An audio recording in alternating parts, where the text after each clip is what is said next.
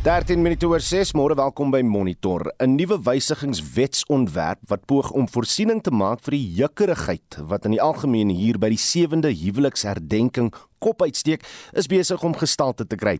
Dit sal bepaal dat getroude paartjies wat in ja 7 7 jaar nie hulle huwelikslisensies hernie uh nie outomaties geskei sal wees. Om hierdie wetgewing te bespreek, praat ons nou met Shandu Teron, 'n senior vernoot van die prokureursfirma Teron ingelyf in Sandton.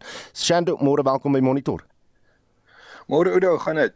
Nee, ek kan nie kla nie. Is is een van die doelwitte om die druk op ons howe te verlig. Absoluut. Nou, dis ehm um, daar gaan wysigings aan ons huwelikswetgewing wees soos almal nou weet in die uh, min of meer in die tweede kwartaal van volgende jaar. Daar is geweldige druk op ons howe en dat ehm um, die ons howe en die die die regskommissie het gekyk na ander jurisdiksies in Europa wat met dieselfde probleme sukkel.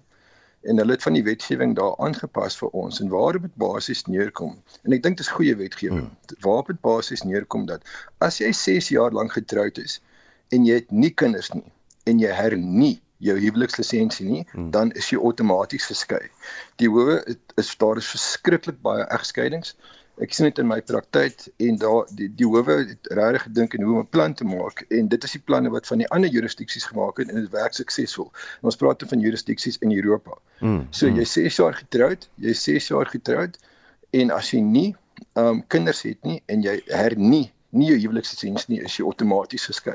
Dit is nou natuurlik nog net konsepwetgewing, maar ek dink almal dink dit gaan um, dit gaan uh, deurgedruk word. Shando, ek kan tog nie dink dat hierdie ding op die op die boeke sal kom uh, sonder groot teenkanting van die kerke, geloofs- en gemeenskapsorganisasies nie. Dat dat kan seker nie gebeur nie. Wel, daar gaan daar's daar's altyd teenkanting teen wetgewing wat teen die ou normes is. Maar die basiese ding is egskeiding is so 'n traumatiese proses. En as jy nou in die hof moet gaan staan en deur daai hele proses gaan, um en jy hoef dit nie te doen nie. Hmm. Dan jy weet as die kerke in daardie tipe instansies aan hulle lede dink en aan hulle lede se emosionele welstand dink en hulle emosionele se welstand op belang het, dan op op hulle hart het, dan sal hulle nie wil hê dat hulle moet deur daai trauma moet gaan as hulle dit nie hoef te doen nie. OK. Dit is verskriklik traumaties egskeidingshowe. Dit is nie 'n lekker plek nie. Nou nou sê my na jou regsmening sal die betrokke wetgewing deurgevoer kan word. Ja. Ek dink hierdie gaan deurgevoer word. Dit kom 'n lank pad en daar's ander jurisdiksies wat dit suksesvol gedoen is en die resultate is baie goed. Dit het baie uh baie van die howe, jy weet mense sê altyd the wheels of justice turn slowly. Mm. Maar een van die redes om dit doen want daar is nie genoeg regters en magistrate nie. Dit sal baie van daai regstyd wat mense aan ander sake kan spandeer. Dit sal dit, dit sal daai tyd bevry. OK. En dit aan Shando Teron, senior vernoot van Teron ingelyf in Sandton. En ons het hierdie onderhoud bietjie vroeg gedoen want hy hy hy skakel in by ons SMS vraag vanoggend en ons wil by julle hoor vanoggend nadat jy nou gehoor het van die uh, prokureur. Uh, wat dink jy van die nuwe konsep wetgewing? Blyk prakties te wees wees vir ons howe en Shando sê dis prakties uit 'n praktiese oogpunt uit. Uh weens die emosie wat gepaard gaan met 'n egskeiding. Jy kan ons 'n stemnota stuur op 0765366961. Jy kan ook vir ons 'n SMS stuur op 45889. Dit gaan jou R1.50 per boodskap kos en jy kan ook saampraat op die Monitor en Spectrum Facebook bladsy. President Cyril Ramaphosa het generaal Fani Masemola as die nuwe nasionale kommissaris van polisie aangewys. Dit volg nadat die vorige kommissaris, Kehla Setole, na 'n gesprek met Ramaphosa ingestem het om in belang van die land en die lig en in die lig van die eh, stygende misdaadsyfers sy diens in die polisie voor sy beoogde aftrede te beëindig. I now wish to introduce a person who I believe is fit and proper to become new National Commissioner of Police, and that is General Sihlahle Fani Masemola as our new Commissioner of Police. You have the weight of the nation's expectations resting on your shoulders, but I'm confident you are more than up to this task and responsibility. Ramaphosa het met die bekendmaking van Masemola se aanstelling gesê hy is meer as bevoeg vir die pos. This includes helping with the de-escalation of violence, KwaZulu-Natal, after our first democratic elections. General Masemola also brings to this position his experience in drastically reducing cash in transit crimes in the period around 2016. General Masemula played a leading role in coordinating security for all elections that we have held since and including 1994. And he led the securing of major national and international events in our country, including United Nations summits, climate change conferences, and the 2010 FIFA World Cup. General Masemula served the nation as chairperson of Net Joins on COVID 19, which coordinated government's efforts across different sectors, nationally as well as internationally, to keep all of us safe. Dit was president Ramaphosa oor sy aanstelling van generaal Fani Masemola as die nuwe nasionale kommissaris van polisie. Om 10 oor 7 kry ons reaksie van kenners hieroor. Ons bly by misdaadsake en hoë vlakke van gewelddadige misdaad uh, misdaad duur voort in die dorpie van Mqe Hezweni uh, by Tamtata in die Ooskaap. Vier vroue van twee verskillende families is verkrag. Die slagoffers is tussen 14 en 38 jaar oud. Inwoners van die dorp sê gewapende jong mense terroriseer die beurt, 'n uh, buurt liewer. Oud-president Nelson Mandela het vir 'n deel van sy kinderjare daarop in Hezweni gewoon. Net 'n waarskuwing, hierdie volgende inset mag dalk sensitiewe luisteraars skok. Mitsi van der Merwe het meer besonderhede. Die ryke politieke geskiedenis van Nkwezeni word deur die modder gesleep met die misdade. Die verkragters het maandag 4 slagoffers verkrag. Een van die slagoffers se ma vertel wat gebeur het. They forced me to take off my clothes. Indeed, I took off my clothes and I was naked. They woke up my kids and asked them if they could see that I was naked. My kids said yes, and they were ordered to do the same. My daughters took off their clothes as per instruction. Shortly after that, they locked me inside the room and took my daughters inside the other room. Shortly after that, I heard my daughters were crying, so they were raping them. 'n Woordvoerder van die familie sê hulle word geterroriseer. Three boys armed with guns came and kicked the doors. They got inside the house and raped the mother. Her daughter and the granddaughter was also raped. They took their bags, packed some clothes, and left. We are appealing to the Lord to be strong. We are terrorized in this village. Sommige inwoners het besluit om te trek. Dit terwyl van die huise met petrolblomme bestook en afgebrand is. Mans en vroue is bang. Mtitinile mitagatagas sê dit is ondraaglik om so te leef. As people are raped and killed here and there's no follow up as I can see because I've never heard that there's someone that has been caught and put to prison. Sometimes even if that person has been identified we don't get the follow up. I don't know what's really happening because there's too much. It's too much. It's too much. It's too much. It's too much. Inwoners wil 'n volwaardige polisiestasie in die dorp hê. Ndelwa Mtagataga sê die Bekkie polisiestasie kan nie die wetteloosheid hanteer nie. The capacity of the police is not enough for them to cover the whole area that they are policing. So if the government can prioritize in Nkegezweni and build a police station, at least, at least the crime will go down. Die Oos-Kaapse woordvoerder van die polisie, Thembikosi Kinana, sê die voorvalle word ondersoek. As the SAPS, we confirm that indeed we received a report about two suspects who burst into two homesteads in that area of Polela in Pebezweni, where they started raping the two families. We are currently investigating four cases of rape. The circumstances surrounding the incident are under investigation. Inwoners in die nabye Bekkie ervaar openlike misdadige voorvalle. Die gemeenskap eis vinnige en doeltreffende ingryping deur die polisie omdat mense daarvan praat om die reg in eie hande te neem. Nkululeko Nyembesi het hierdie verslag saamgestel. Mitsi van der Merwe, SAK-nuus. Dit staan net so bietjie ligter. Kunstenaars is uiteindelik weer op die planke by die Klein Karoo Nasionale Kunstefees in Oudtshoorn. Die fees wat Suid-Afrikaanse kultuur en erfenis vier, het Dinsdag afgeskop en bied 'n weeklange program van musiek, films, uh, dans, kuns en teater. Die 26ste jaarlikse KAKNK is terug in die dorp na 'n 2 jaar lange onderbreking weens die COVID-pandemie. Tanya Krause doen verslag. Van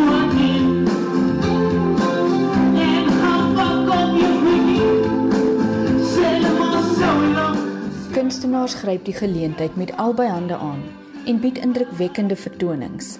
Die sanger en akteur Nathaniel keer na 12 jaar terug na die fees. David Kramer se musiekvertoning is reeds uitverkoop. Sandra Prinsloo, Anna Mart van der Merwe en verskeie ander akteurs is terug op die verhoog en Mary Sibandi se indrukwekkende beelde en skilderye word uitgestal. Die KAK&K skep ook 'n platform vir nuwe en opkomende kunstenaars. Die hoof van die Nasionale Afrikaanse Teaterinisiatief, Cornelia Fasen, sê dis hoogtyd dat daar weer fees gevier word.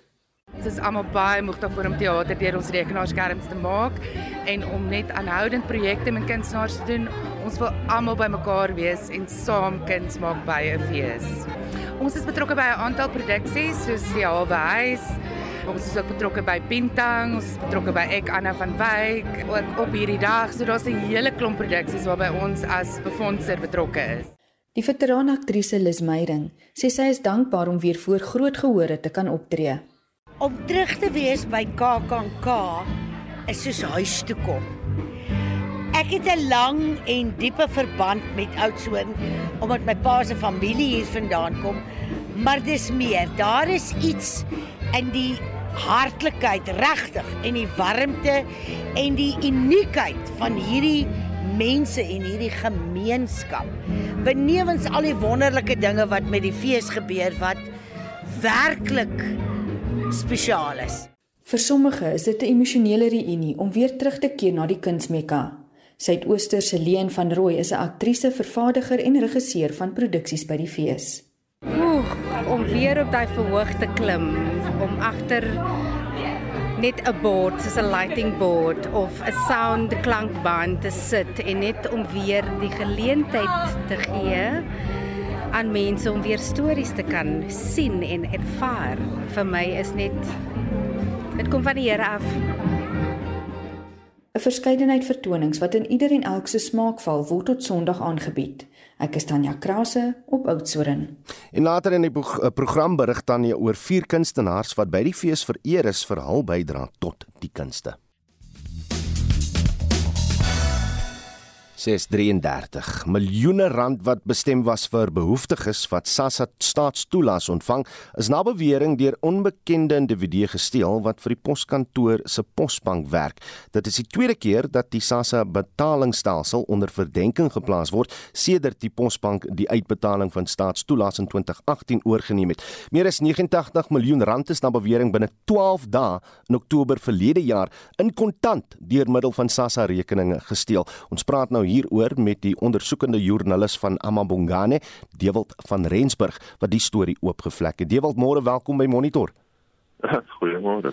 Hoe het hierdie mense te werk gegaan om die geld, uh, die miljoene uit SASSA rekeninge uit te steel? Uh, wel, uh, dit sou nie aanwysings is dit of werknemers of kontrakteurs was van Posbank. Uh, mense wat goed vertroud is met die IT-stelsel. Ehm um, wat hulle moet doen is hulle het hulle self aangestel as as administrateurs binne die stelsel met die met die volmagte dan kan hulle rekenaar um, rekeninge manipuleer. Hmm. Ehm um, dan toe die uh sassa ehm um, you know pensionaars is hulle half uh farmsweerders by die posbank ehm um, kry. Uh mense met rekeninge wat hulle sou doen is hulle gaan dan hulle krediteer hierdie rekeninge met met baie groot bedrae met honderde duisende rande soms hmm. en dan kry hulle hierdie weet pensionaars uh, by die stelsel wat hulle rekeninge opoffer um aan hierdie mense wat dan gaan en geld onttrek letterlik by ATMs hmm.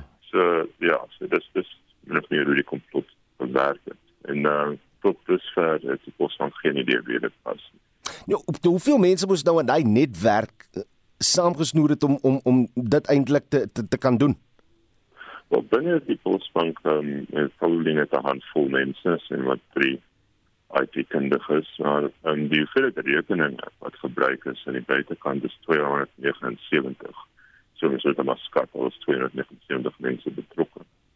So, ek ek, ek moet bieg deel toe jy net begin het kon kon ons nou net nie mooi hoor oor of individue wat nou betrokke is eintlik vir die posbank werk of uh, dit nou onafhanklike kontrakteure is wat wat dit reg gekry het nie.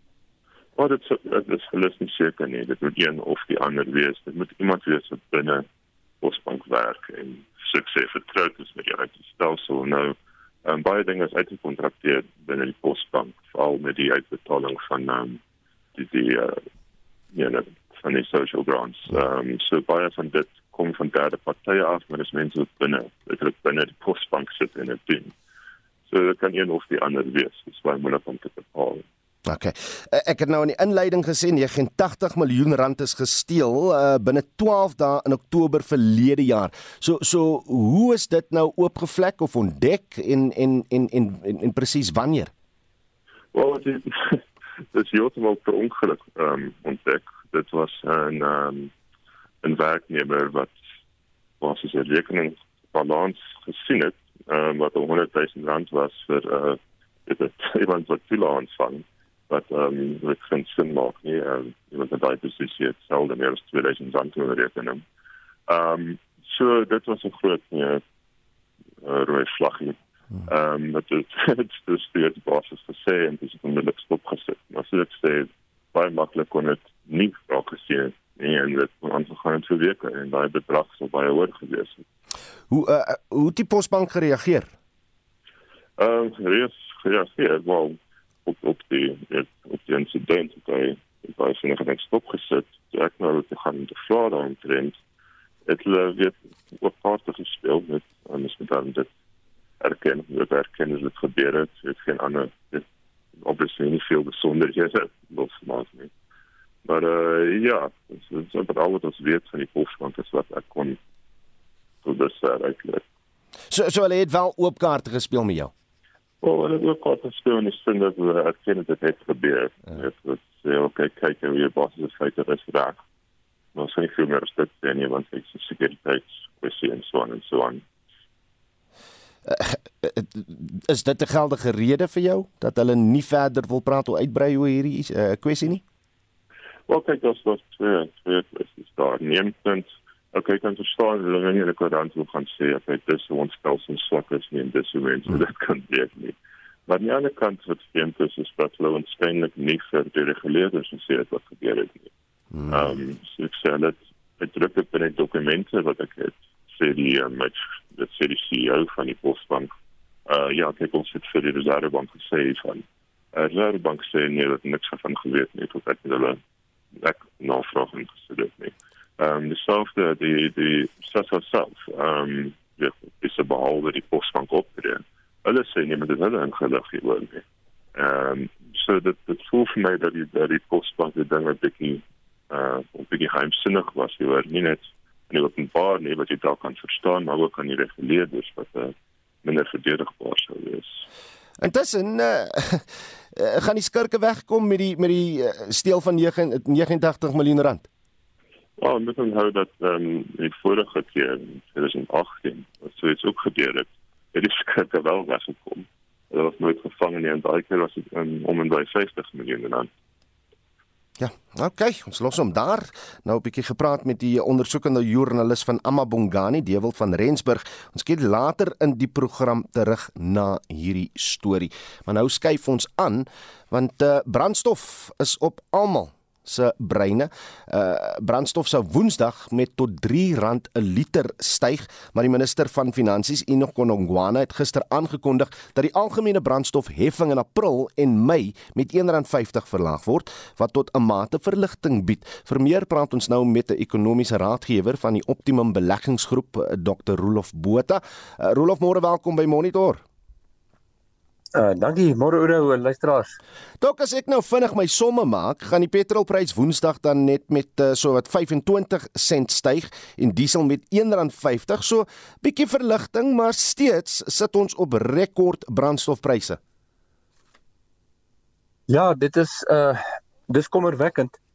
Veral natuurlik uh as mens kyk na die uh, landbousektor, uh daar is 'n baie lande van die wêreld, veral natuurlik die ryker lande, Europa, Amerika, Australië, Nieu-Seeland en sulke lande is daar uh baie aansporings vir vir landbou en daar's baie ondersteuning. Ek dink die gemiddelde Franse uh, uh boer kry omtrent 40 sent 40% van sy insetkoste kry terug by die van die regering af. Uh die land se belastingbetalers betaal natuurlik daarvoor. In Suid-Afrika het ons 'n negatiewe koers van uh van beskerming vir ons boere uh en as mens kyk na die toestand van die paaie en ander faktore en ook nou die hoë rentekoerse wat hulle finansieringskoste verhoog. Uh ek weet nie of die Reserwebank nou dink dat uh as ons nou ons rentekoerse opskuif, korttermynkoerse gaan ehm um, die mense daar in Saudi-Arabië meer olie pomp nie want dit is die hoofrede hoekom ons inflasiekoers gestyg het. So ek is nie heeltemal seker wat hulle daarmee probeer bereik nie. Uh, hier is nie te veel vraag na ons ekonomie nie. Maar om terug te keer tot tot die uh, tot die olieprys uh, uh, of die petrolprys as ons nou baie sleg voel daaroor, moet mens maar net in gedagte hou daar is uh petrolpryse in Suid-Afrika is nog op 'n internasionale basis is dit nog redelik laag. Mm. Daar is uh die oorgrootste meerderheid lande in die wêreld betaal baie meer vir brandstof as ons en natuurlik ons is in die gelukkige posisie dat ons is nie so afhanklik van olie soos baie ander lande nie. Ehm um, veral vir die opwekking van elektrisiteit. En uh, on, ons moet dat net bietjie begin dink aan die uh aan die aardverwarming en in die steenkool is uh, in die langtermyn moet maar bietjie uitgefaseer word maar uh, op die oomblik uh, help dit ons baie. Mm. mm. Ja, praat net 'n bietjie oor hoe die rekord hoë dieselprys boere se insetkoste en en goedere wat vervoer word gaan impak. Ja, die uh, uit die aard van die saak het uh, is daar letterlik miljoene mense in Suid-Afrika wat op 'n daglikse basis moet staatmaak op die ehm uh, um, hierdie op 'n uh, kom ons noem dit maar openbare vervoer mm. se plaasvervanger. Uh, ek dink die mense weet waarvan ek praat, die minibussies en so on, en dit is net 'n kwessie van tyd seker voordat daardie uitgawes ook opgaan en daar's van hierdie mense wat 'n redelike groot persentasie van hulle uh, maandelikse inkomste moet betaal aan hierdie tipe vervoer. En en dit is 'n bietjie van 'n tamaletjie vir die regering. Uh hier lê 'n uh, presidentsverkiesing van die regerende party voor later vanjaar soos wat ons almal seker weet. Uh ek dink baie van ons is maar sien weer agtig want uh, as president Ramaphosa dit nie gaan maak nie, is hier groot moeilikheid en ek praat van baie groot moeilikheid. Maar daar's so 'n bietjie lig in die tonnel, uh, Oudo, uh, werklik want uh, uh, indien daar binnekort vrede kom in Oekraïne, dit is net 'n kwessie van tyd glo ek. Want Rusland kan nie bekostig nie dit, dit, om dit te lank laat laat aanhou. Elke dag wat daardie oorlog aanhou, kos die Russiese ekonomie 'n uh, ongelooflike hoeveelheid geld. En hulle gaan sodra daardie vrede beklink is, gaan hulle begin om olie te te pomp en te verkoop dat die bissies bewe. Hmm, hmm. Uh en teen die huidige prys natuurlik want hulle het nie meer buitelandse valuta nie. Uh, uh Joe Biden het nou net aangekondig dat Amerika gaan 1 miljoen vate olie per dag gaan hulle in die mark instoot. Hulle gaan dit natuurlik nie weggee nie. hmm, hulle gaan 110 uh dollars per vat kry. So hulle gaan 'n fortuin verdien daarvoor.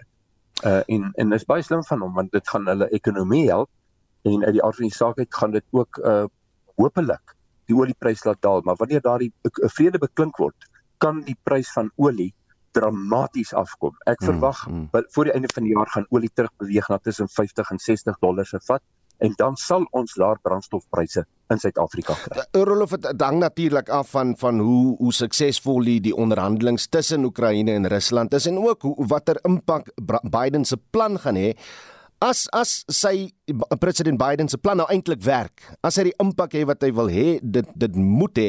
Hoe, hoe lank nog voor daai daai olieprys afkom as gevolg van die feit dat dat die die daar vrede is tussen Rusland en Oekraïne dink jy?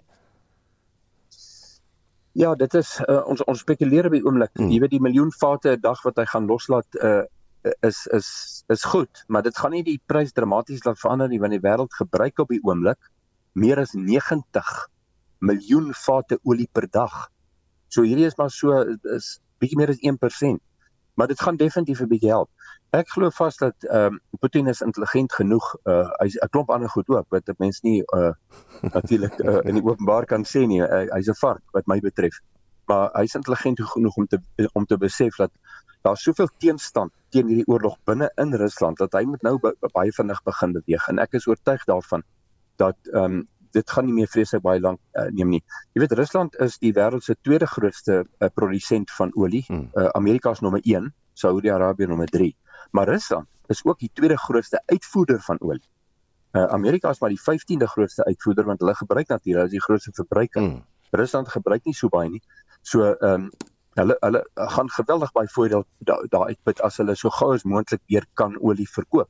Want die prys gaan nie sommer binne 'n dag afgaan van 110 na 60 toe nie, maar hy kan binne 'n paar weke kan hy kan hy so toe gaan.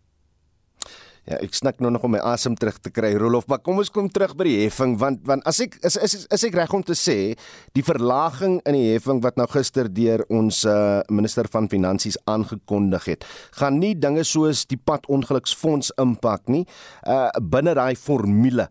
Wat gaan dit dan wel impak? Wat gaan nou minder geld kry as gevolg van die verlaging in die heffing? Wel sover my uh, sover my kennis trek uh is die enigste persoon wat effens ongelukkig hieroor is natuurlik is uh, meneer Kieswetter by die inkomste diens. Want uh, hulle gaan uit die organisasie 'n klein bietjie minder geld kry maar gelukkig kan ons dit bekostig. Want die voordeel van die oorlog uh, daar's bitter min wat my betref en ek meen die men uh, verlies van onskuldige mense se lewens kan kan 'n mens nie kwantifiseer nie maar hmm. vir Suid-Afrika was die oorlog nie noodwendig te sleg nie. Daar's van ons landbouers val peer uit uh, pere en wyn wat so 'n bietjie ehm uh, met ander markte moet soek, maar dit is nie vir ons uh, enigstens 'n 'n 'n ramp nie. Ehm um, maar, maar die aard van die saak uit uh, kan ons dit bekostig want ons die van die ons uitvoerprodukte vir al die minerale en metale het uit is besig om uitstekend te vaar. Die luisteraars sal onthou dat Nergonogwana het um, uh, twee maande gelede in Februarie het hy dit was dit onmoontlik om nie net die die uh, belastingkoers vir maatskappye te verlaag en 'n uitstekende begroting op die tafel neer te sit nie, maar ook om die hierdie COVID toelaat te verleng vir nog 'n jaar wat hmm. uh, wat natuurlik 'n goeie ding is. Ek meen daar's miljoene mense wat wat nie geld verdien in Suid-Afrika nie en daai 350 rand help baie. Dit word in elk geval meestal op aan kos spandeer. Ehm um, so ons kan dit bekostig en ek is oortuig daarvan nasionale tesourie sou nou daarom al 'n uh, uh, 'n berekening gemaak het daarvan dat hulle waarskynlik weer in hierdie begroting effens konservatief gewees mm oor hulle inkomste begroting. So dit gaan nie vir hulle uh, so 'n uh, uh, uh, groot probleem wees nie. Rolof, kom ek kom ek vra jou net mooi. April tot Mei maand is is die verligting wat nou gebring word uh, deur hierdie verlaging in die heffing. As as ons kyk na hoe die hoe die oorlog sloer, hoe die petrolprys en die olieprys nou nog net aan die styg is, gaan die minister seker na Mei maand of na April maand seker weer aankondiging moet maak dat dat hulle die heffing laer gaan hou. Wel, het vir homself 'n bietjie speling gegee, ehm um, want uh ek dink almal hoop en bid dat teen daai tyd is is die oorlog verby. Ehm um, ten minste 'n skietstilstand. Ek meen dis al reeds 'n stap in die regte rigting en dit sal hopelik in in besmoontlik vir Rusland in die posisie plaas om weer te begin olie uitvoer. Maar nou is daar nog so 'n ander faktor wat 'n uh, ander kwessie wat in die, in hierdie hele prentjie inkom. Oudo en dit is die Europese winter. Hmm. Uh, uh jammer, alles somer. somer. Ek dink ja. nou aan die winter en ek hou nie van die winter nie, my kom hier so volop in die aande, nê. Nou gous almal. Maar die Europese somer, uh uh tydens hulle somer en dit begin vinnig warmer word daar. So dan gebruik die Europeërs baie minder olie uh die hele noordelike halfrond en dit op sigself kan moontlik in die volgende paar weke reeds tot 'n daling in die olieprys aanleiding gee. Die okay. olieprys lyk vir my het min of meer gestabiliseer op die oomblik en ek kan werklik nie sien dat hy binnekort uh, veel verder sal styg. Reg, laastens, wat is jou raad aan die verbruiker in die lig van die huidige omstandighede? Ry minder. Makliker gesê as gedaan. Ons mense moet by die werk uitkom, jong. Nou probeer maar weer die virtuele vergadering sou weer. Ja, ek gevoel dis al wat ons kan doen, maar daar is hy, ja, Dr. Rolof Botha, ekonomiese raadgewer van die Optimum Beleggingsgroep wat net gepraat het daaroor uh, die brandstofprys wat Woensdag styg, maar oor die feit ook ook die feit dat ons minister van finansies ons net bietjie verligting gegee het met uh, die aankondiging dat die brandstofheffing tussen April en Mei met R1.50 verlaag gaan word. Nou terug na die KAK&K en vier kunstenaars is by die Klein Karoo Nasionale Kunstefees vereer vir hul bydrae tot die kunste. Die KAK&K het vroeër die week in Oudtshoorn afgeskop na 'n 2 jaar onderbreking weens die COVID-19 pandemie. Nick Barrow, die stigtersvader van die fees, die akteur Frank Opperman, die skrywer en voordragkunstenaar Jolien Phillips en die visuele kunstenaar Mary Sibande het die kunste onbeperk toekenninge ontvang. Tanya Krause doen verslag. Die toekenning is 'n teken van waardering. Al vier het oor die jare onmiskenbare bydrae gelewer tot die kunste, insluitend die fees. Sedert die KAK&K se ontstaan in 1994, het talle kunstenaars verhoë en gallerye reg oor Oudtshoorn betree. Die geleentheid het vir hulle 'n platform geskep om hul werk ten toon te stel. Crispin Son is die voorsitter van die KAK&K. Elke jaar vereer ons hier mense, noemenswaardige mense wat 'n groot bydrae maak tot die kunste op 'n nasionale vlak, maar ook deur ons platform. En ons soek gewoonlik mense wat uitsonderlike bydraes maak of in die kunste as akteurs of mense wat skilders is en ons soek ook gewoonlik ten minste een persoon wat die stem vir jonger mense is wat ons dan identifiseer en ons dan op ons platform vereer. Die Afrikaanse letterkunde legende Auntie Krog het 'n toekenning aan haar nagraadse student, Jolyn Phillips oorhandig. Phillips het 'n toekenning ontvang nie net vir haar bydrae tot Afrikaans nie, maar ook as die jong stem van die fees, as vervaardiger, skrywer, komponis en sanger. Sy sê sy voel oorweldig deur die erkenning. Dit is 'n groot eer vir my vandag om hierdie toekenning te ontvang, veral omdat ek maar nog baie nattig ter die ore is. En dis ook vir my 'n groot eer om my mentor en my studieleier ook hier namens my te kan praat en so om my storie hier te kan deel by die KAKNK en vereer te word deur kunste onbeperk vir jong stemme is vir my 'n regtig 'n groot eer. Vir visuele kunstenaar Mary Sibande is dit die eerste keer dat sy haar werk by die KAK&K tentoonstel. Sy gebruik haar werk om stereotypes rondom vroue af te breek en haar perspektief van apartheid uit te beeld. Sibande is ook hierdie jaar se feeskunstenaar. It's incredible and also looking at my journey from 2008 up to present day. Um, I had a lot of support from galleries, from museums, from private collectors, organizations. It has been a communal, there's been a communal support to actually put me where I am today. Frank Opperman, wat bekendheid verwerf het vir sy rol as Ouboet in die sitkom Orkney Snorkney en ook 'n verskeidenheid rolle in TV, film en teaterproduksies gespeel het, is verootmoedig vir sy erkenning as 'n akteur en sy bydrae tot die KAK&K. Ek is nou al hier vir jare, so om na al die jare van bloed en sweet en probeer dinge onthou en is dit baie baie lekker en 'n groot voorreg om vereer te word vir al die moeite wat 'n mens in jou lewe al gedoen het en ook al die moeite wat 'n mens saam met ander mense al gedoen het. En wat lekker was om 'n prys te kry, jy kry die kans om te sê dankie aan almal so. Dankie aan almal wat nog ooit na my goed gekyk het. Die feesorganiseerders sê dit is belangrik om hul dankbaarheid te betoon aan almal wat bygedra het en steeds die fees sal ondersteun in komende jare. Ek is Tanya Krause op Oudtshoorn. Die rekord oopwater swemmer Sarah Ferguson se een oseaan poging om binne 'n jaar van Durban na Kaapstad te swem is tot 'n stilstand gedwing omdat hulle geld opgeraak het nadat sy oor 23 dae so 550 km ver geswem het. Moes Ferguson en haar ondersteuningsspan tussen Kenton-on-Sea en Kleiberga in die Oos-Kaap halt roep. Hulle doel is om Mosselbaai teen Mei te bereik voor die winter aanbreek. Dis so wat 400 km ver en sal 'n verdere 400 000 rand kos. Dis deel van 'n bewusmakingsveldtog oor die impak van plastiekbesoedeling op mense en die omgewing. Dries Liebenberg het hierdie storie. Ferguson was in 2017 die eerste vrou van Afrika om 58 km oor die Kaiwi-kanaal by Hawaii te swem.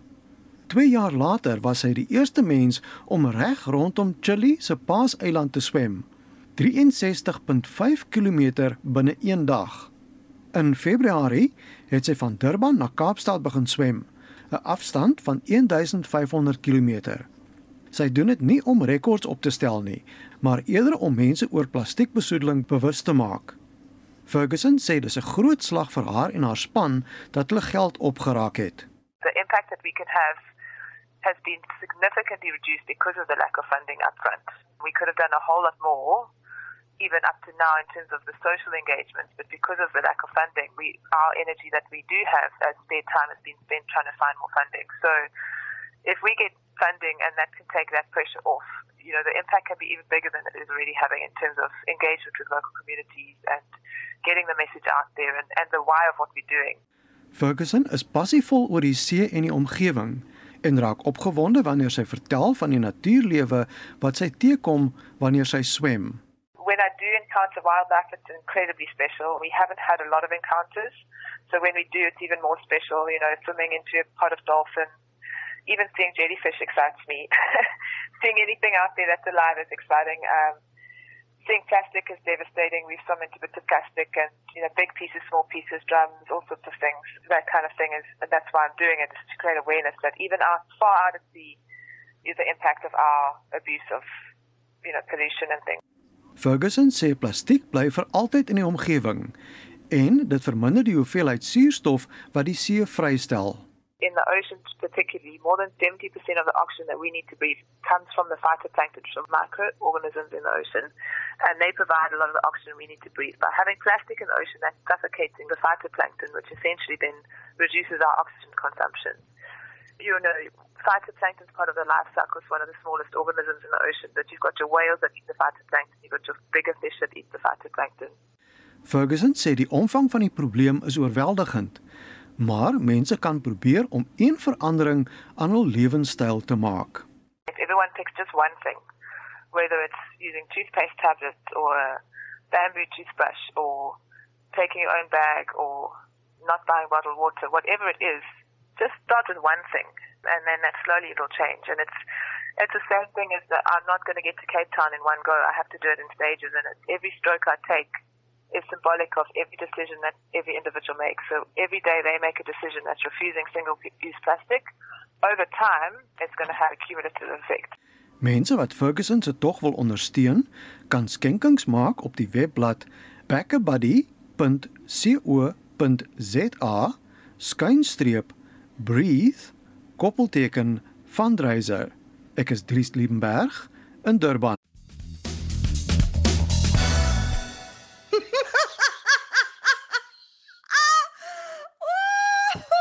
RSG. Ek sê julle nee, dis die 1 April. Happy April Fool's Day. en daar het jy dit. Julle het almal deur ons gesien vanoggend met ons April gekke dag grappie. Ons het gevra, ons het bietjie gepraat en bietjie gespot oor die nuwe wysigingswetsontwerp wat mense wil help met daai 7 jaar jeukerigheid nadat hulle getroud is en dan die opgemaakte wetsontwerp sou nou sê, weet jy, moet dit eintlik so na elke 7 jaar moet jy maar nie anders verval daai huweliksertifikaat van jou. Maar kom ons vra verander die vraag dan so 'n bietjie vanoggend. Op 'n ernstige noot, sou jy dit oorweeg om so iets te doen? Hier is een van ons luisteraars wat 'n opinie gee oor of hy dit sou doen of nie en hoe prakties so iets sou wees. Dit skep issues van die die skeiding van boedels of die die verdeling van boedels. Um, gesamentlike boedels waar dit van toepassing is. En om dit eerlik te wees, dit klink regtig net soos 'n manier vir die staat om ekstra fooie in te vorder deur mense te dwing om hierdie hernuwings te doen wanneer dit in praktyk regtig nie nodig is nie. Wat egskeidings aanbetref, egskeidings is nie eintlik iets wat wat mense net casually doen nie. As jy wil skei, dan gaan jy deur die prosesse gaan om te skei. So om te sê dat as jy nie jou huwelikslisensie na 7 jaar hernie nie, is jy outomaties geskei is absoluut belaglik. So nie almal almal het deur die poets gesien nie. Nie almal nie, maar jy weet, laat weet ons in elk geval, dink jy dit is dalk 'n goeie plan dat 'n mens moet geskei wees die oomblik wanneer jy nou nie so ietsie gaan hernie nie. Jy kan saamgesels op ons SMS'e, jy kan vir ons 'n WhatsApp stemnota stuur of gaan praat saam op ons Facebook-bladsy waar ons ook die vraag geplaas het. As hy kon sou ek elke 2 jaar hernie. Nou die nuus te 7 uur môre.